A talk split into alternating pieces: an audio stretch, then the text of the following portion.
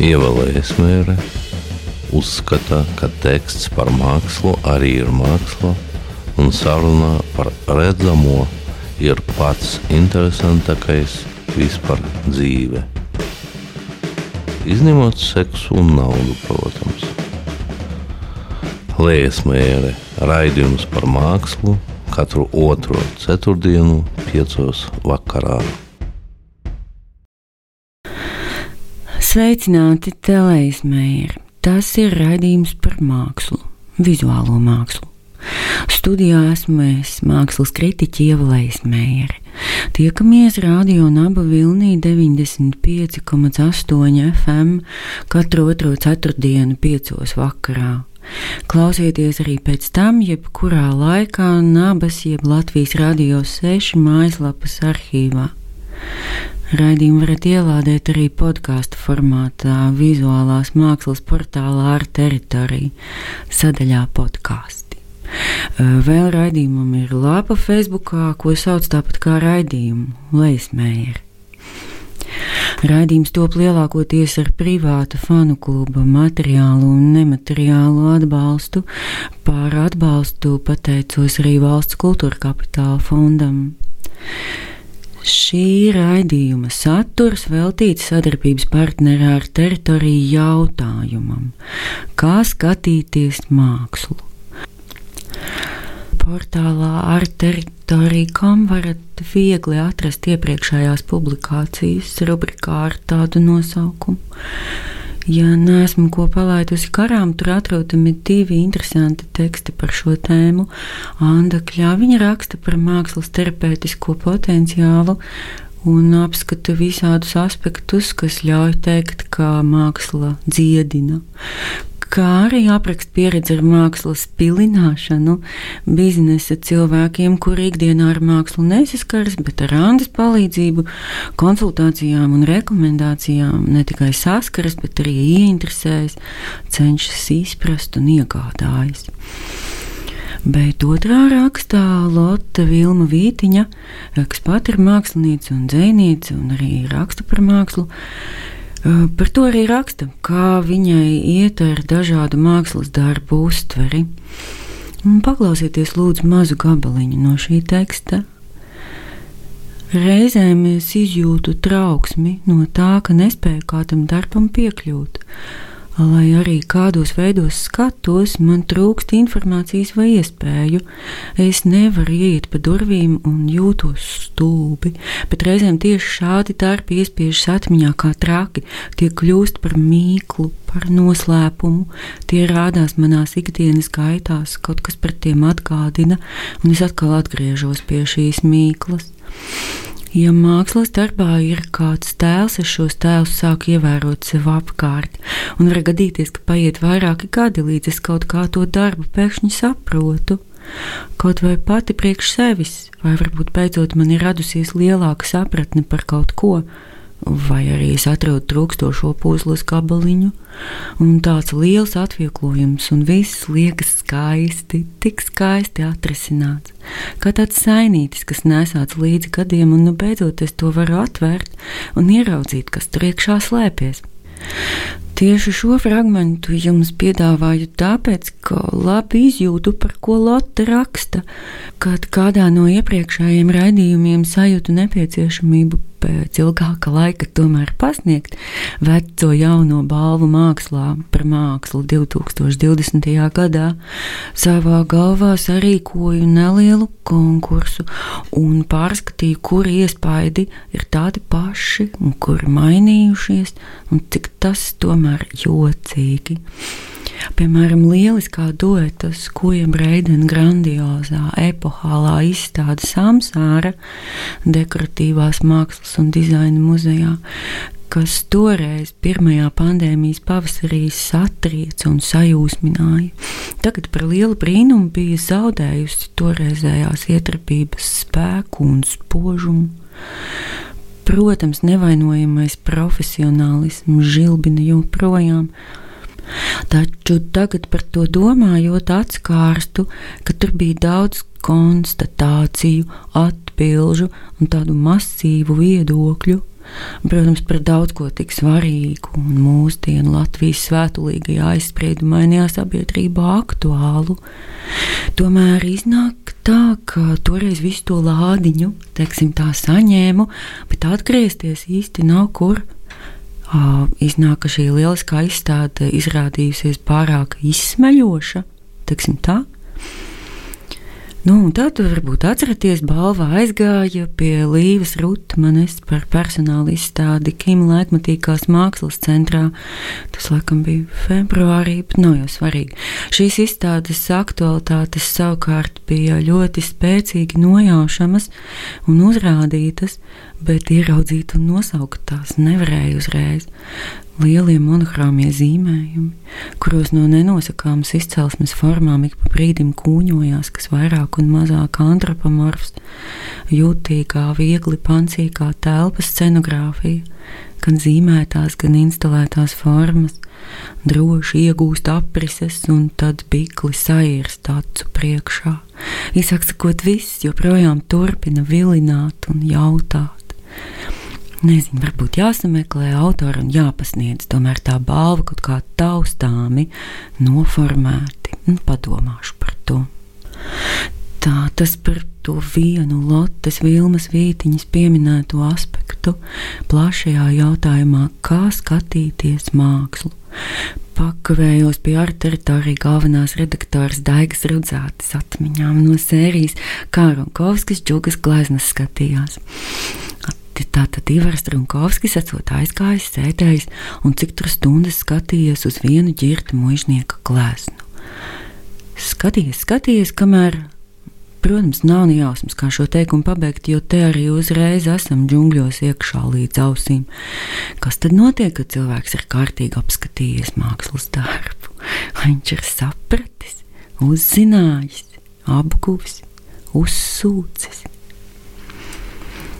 tā kā šeit sajūtos gluži bezspēcīga, tad uz jautājumu, kā skatīties mākslu, atbild ātri un nedomājot, proti, klusējot vai pīpējot. Tomēr, lai turpinātu tuvoties iespējamai atbildēji no citas, man pieejamākas puses, jautājumu pārfrāzēšu, proti, kas skatās mākslu. Lūk, šeit jau jūtos mazliet drošāk un puslīdz redzu ceļos atbildi, faktiski divus ceļus. Tātad tas, kurš skatās mākslu, ir vai nu individs, vai kaut kas cits, kaut kas kolektīvs un vispārīgs. Individuālais ceļš par laimi ir katram savs. Tās ir unikālas, ideālas, privātas, intīmas un pilnīgi brīvas attiecības ar to, uz ko skatos un viens skaitlis te ir obligāts.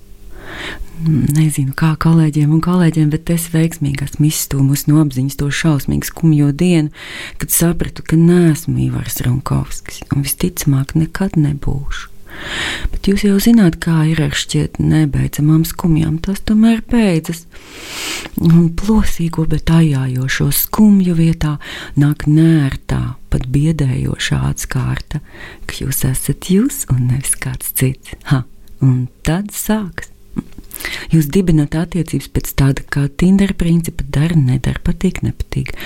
Un nepatikšanas lielākoties ir, ja patīk nu, nepatika, ir vienkārši un diezgan labi pakļaujas analīzei, samērā viegli atrast un formulēt argumentus, kāpēc kaut, kāpēc kaut kas nedara, neatbilst. Mm, pagaidām teiksim tā. Pati, kas savukārt ir mokoša, tā nodarbina un urda.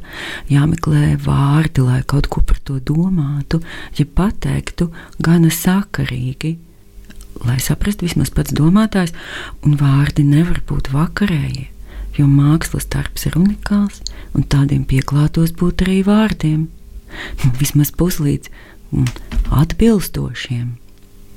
Hm. Taču tā kā viegli nojaušam, ka nekas no šī nav iespējams, jo vārdi, jeb valodas iespējamās vienības atšķirībā no vizuālās mākslas premisām ir ierobežotāks resurss. Bet es zinu un ticu, ka varbūt tā reiz ticis pie kaut vienas frāzes, kas iznāk gana precīzi par kādu mākslas darbu, cilvēks dabūt tādu prieku un gandarījumu, un turpmāk zina, ka var vismaz mēģināt. Lūk, tā tad nonācām līdz valodai, kā nepieciešamam resursam mākslas uztverēji. Esmu gan arī apsvērusi visādu Latvijas mākslinieku izteikumus, kas valodu noraida un uzskata, ka māksla runā pati par sevi. Nu, tas viss jūs zināt. Bet nu, padomājiet, vai tas nozīmē, ka mākslā tāpat bez valodas var arī atbildēt? Nu, piemēram, redzu sarkana diagonālīga, ovālīga formā ar nesaprotamu kā banti un atbildu bez vārdiem, protams. Zils strikts kvadrāts 3D. Nu, nē, ties vai kā tikt pie atbilstošās valodas. Dažādi, protams, man tuva ir tā sauktā ekfrātiskā pieeja, kā jau te varēja nojaust, proti mākslas darba, tā iespaidā iedarbības aprakstu, veidot kā literāri pašvērtīgu tekstu. Tā apmēram tā, tagad tu labprāt dalīšos pārdomās par otru atbildes versiju jautājumam, kas skatās mākslu, proti par to vispārināto. Sanāk kolektīvo skatītāju, jeb publiku, jeb sabiedrību, auditoriju. Šajā gadījumā attiecības ar mākslas darbu vispirms nav tiešas, varbūt tādas arī nekad nekļūst, bet gan pastarpinātas, jeb mediētas, un starpnieks lielākoties ir dažādi mediji, kas izvēlas, ko no mākslas iekļaut savā, nu, piemēram, ziņu saturā. Un šajā gadījumā es nu, nerunāju par dažiem specializētiem kultūras medijiem, bet nu, populārajiem, ko patērē cilvēki, kuru ikdiena ir tāla gan no galerijām, gan no muzejiem, gan no pārdomām un pārspriedumiem par mākslu un vizuālo kultūru. Un man nekad nav skaidrs, kāpēc populāro mediju izvēle nemainīgi balstīt uz diviem tiksim, vaļiem, proti, retrospektīvismu un tādu personības kultu. Piemēram, kāpēc Nacionālajās vakara ziņās mākslas ziņa ir par bronzas skulptūru grupu pie Saldus baznīcas, bet nevis par Envijas Millers jaunāko gleznu izstādi Rīgā. Nē, nu es kā saprotu. Saldus gadījumu sakarā var pieminēt Jāni Rozentālu kā nemainīgu, neapstrīdamu nacionālās mākslas virsotni un autoritāti, var intervēt mecenātu, autori var intervēt. Un tam līdzīgi iznesties, liekot saprast, ka lūk, izveidot sižets par aktuālo Latvijas mākslu. Šaurā draugu lokā brīnoties par šo mediju pieeju, aizķiķinājāmies līdz domai lūgt valsts kultūra kapitāla fondam atbalstu projektam, kas paredzētu kaut kur publiskā vidē, pie kādas purva taks droši vien, izveidot apjomīgu objektu grupu, kas būtu lieta no padomju radiatora čuguna un krāsota balta ar melnām strīpiņām, šoreiz lai nacionālajām kultūra politikas nostādnēm atbilstoši pieminētu kādu Vilhelma Purvīša gleznu. Dīvainā veidā retrospektīvisms parādās arī pašu izstāžu veidotāju pieejā. Piemēram, Kristapa ģēlža retrospektīva, personāla izstāde, pašlaik sarīkota galerijā Māksla XO, Galerija 427 izlaidusi savu visas darbības vēstures apkopojumu. Arī Kim laikmatīgās mākslas centrs un Latvijas laikmatīgās mākslas centrs gatavojas publiskot interneta vidē savas darbības izvērstus apkopojumus. Pat jaunajā Latvijas laikmatīgās mākslas centra izstādē Mobilais muzejs ko nākamnedēļ atvērs bijušās fabrikas Bolševička teritorijā, būs skatāmi, kā anotācijā rakstīts, plaši pazīstami mākslinieki un viņu iepriekš 30 gadu laikā izstādītie darbi. Lūk, visai aizdomīgi raugos uz šo retrospektīvismu tendenci, un nejauši portālā Satorī sastopu tekstu, kurā Raimons Čirčis izdomājis par literatūru to, kas man īsti nedavās rokās, domājot par mākslu. Tas teksts gan ir recenzija par jaunāko Ines Zanders ceļu krājumu, tomēr paklausieties, lūdzu.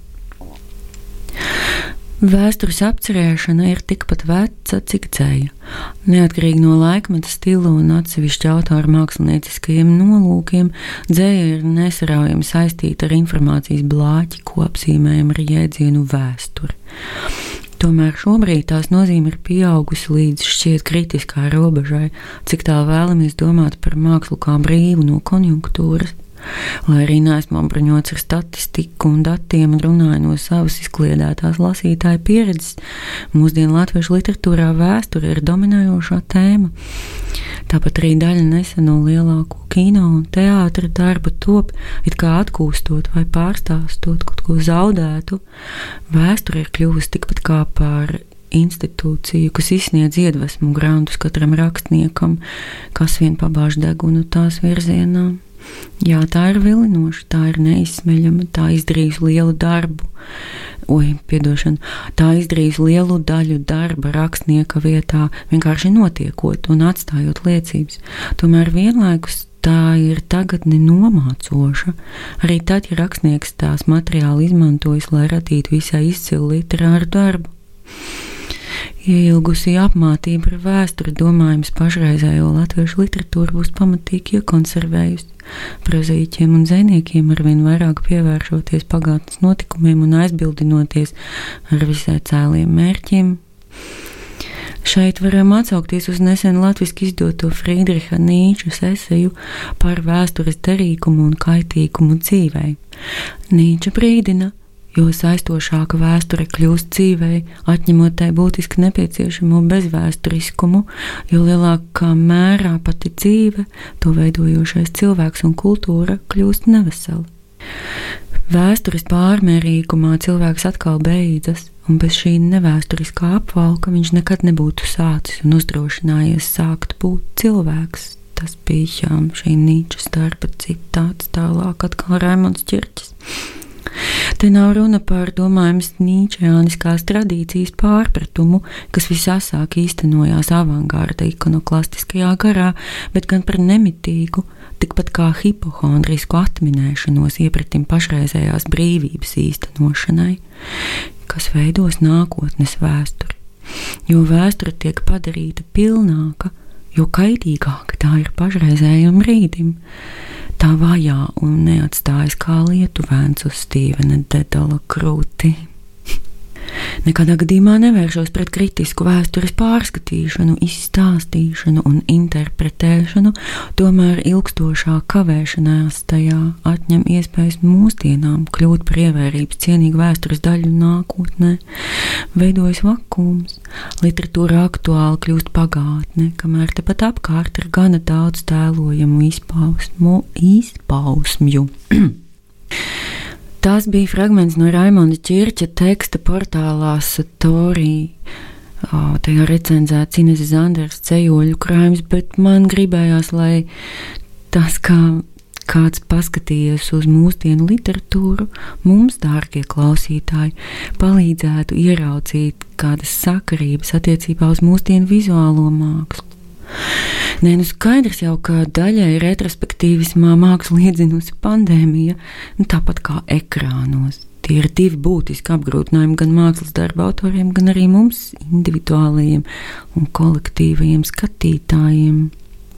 Taču izrādās, ka mazajos žņaudzīgajos un apnikušajos ekrānos tomēr parādās arī kas gluži svaigs bez kādām retrospekcijām un personības kultiem, pat kā teica viens no raidījuma bijušajiem producentiem, kreisi, asi un svaigi. Citēju kādu ierakstu Facebookā, pamēģiniet pazīt autoru. Tātad, priekšnoteikums. Manam zīmējumam ir jābūt jocīgam, nesaprotamam, savādam, šokējošam, nepieklājīgam, ja tas ir nepieciešams skaistam, pievilcīgam, izraisošam pārdomas, filozofiskam, ar atsaucību uz iepriekšējo laiku mākslu, nepareizi uzzīmētam, profesionāli uzzīmētam, pretrunību pilnam un ar gaišredzības iezīmēm. Tās, manuprāt, ir tās īpašības, kurām jābūt mākslas darbā. Citādi tas mani padara pilnīgi vienaldzīgu iedvesmojošā ieraksta un tādas pašas mākslas autors ir Māris Bišovs. Ja nu jūs tomēr nesat Facebookā un nesakojat šim neticamajam māksliniekam, gaidiet drīzumā viņa zīmējumu grāmatu. Lūk, Māra Bišofa zīmējumi, tāpat kā Envijas Milleris nesen izstādītās gleznas, attiecas un rezonē uz mūsdienu notikumiem. Visdažādākajiem privātiem, publiskiem, skaistiem, neglītiem, priecīgiem un skumjiem, traģiskiem un absurdiem, plosīgiem un veldzējošiem. Ak, bet izskatās, ka esmu nokavējusi raidījumu pusi, kur bija jāskan dziesmai. Nu, nekas, lai skan tagad.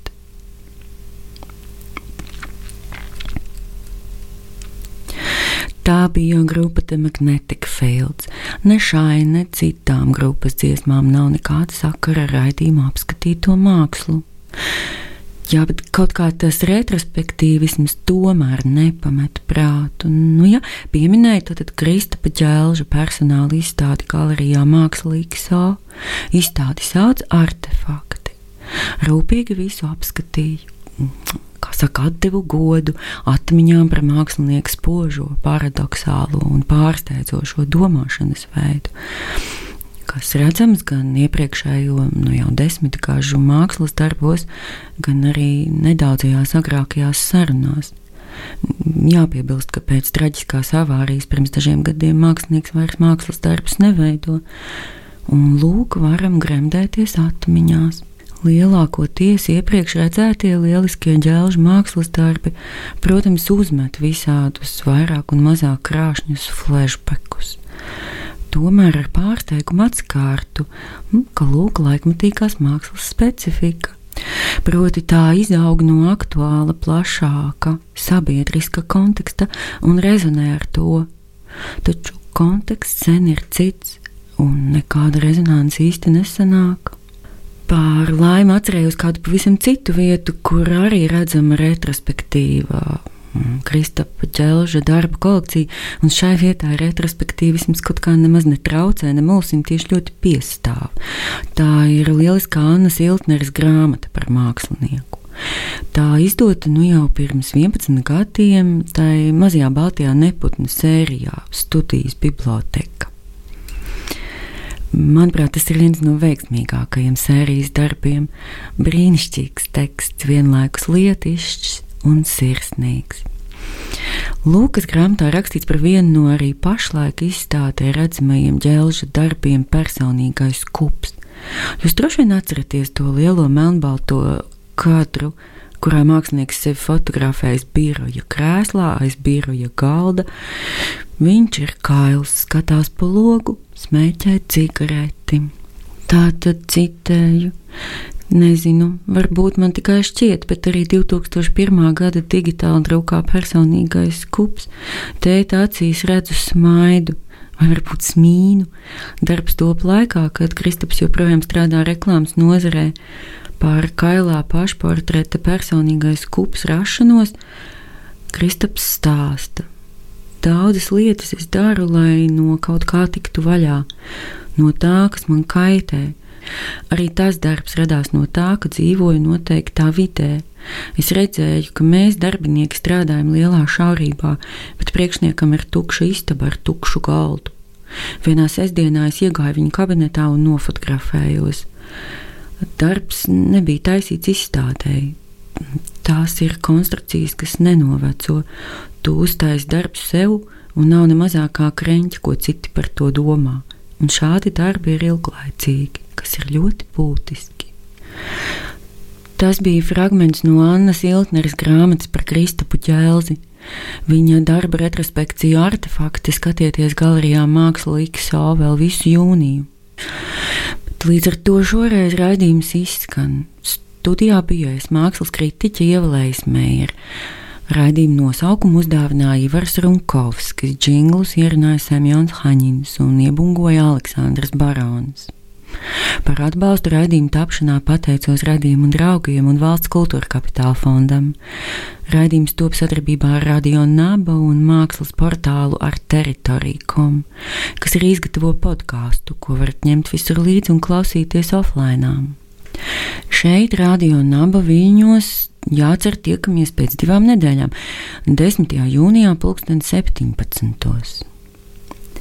Ai, gribēju jau atvadīties, bet ziniet, vēl vairāk gribu tomēr nolasīt ceļu. Autors Semjons Haņins, atzīvojis Ilmārs Zvirks, izdeva Orbīta. Lūkceja. Statuja ar bronzas galvu, vercena zobiem no ziloņa kaula. Divas dienas pirms utrupes piepeši sasirka. Staipās lauž kaulus, īdi plaisas tik smalkajās locītavās, sāpēs līdz asinīm sakostas korāļu lūpas. Baiļu stingumā raugās no piepūles, tirpst nejūtīgs kakls, roka kā noņemta, negribot noslīgst, dūrē sažņaukto zīmīti zemē nomet. Prasmīgs restaurators pieploka viņai pielabo izmežģīto marmora skriemeli, čukst, nebaities mazliet nokrakšķēs, stingst krūtīs mutuļojošās asaras, apstrādā to vietu, kur izplūdis sažuvis kleksis uz pirkstu bālajiem kauliem, no savām musām viņš darina birsti. Apkopj sasitumus, šuves patuses pie viena kauna zīmi, Vēlāk viņa vien notrīsēs, kad noklaudzēs āmurs un nevilšus mulsīs, kad jaunais saimnieks noklakšķinās mēli. Nu, gan viss. Paldies, ka klausījāties. Visu gaišu! Ievēlējies mēre, uzskata, ka teksts par mākslu arī ir māksla, un saruna par redzamo ir pats interesantākais vispār dzīvē izņemot seksu un naudu, protams. Liesmēra raidījums par mākslu katru otro ceturtdienu, piecos vakarā.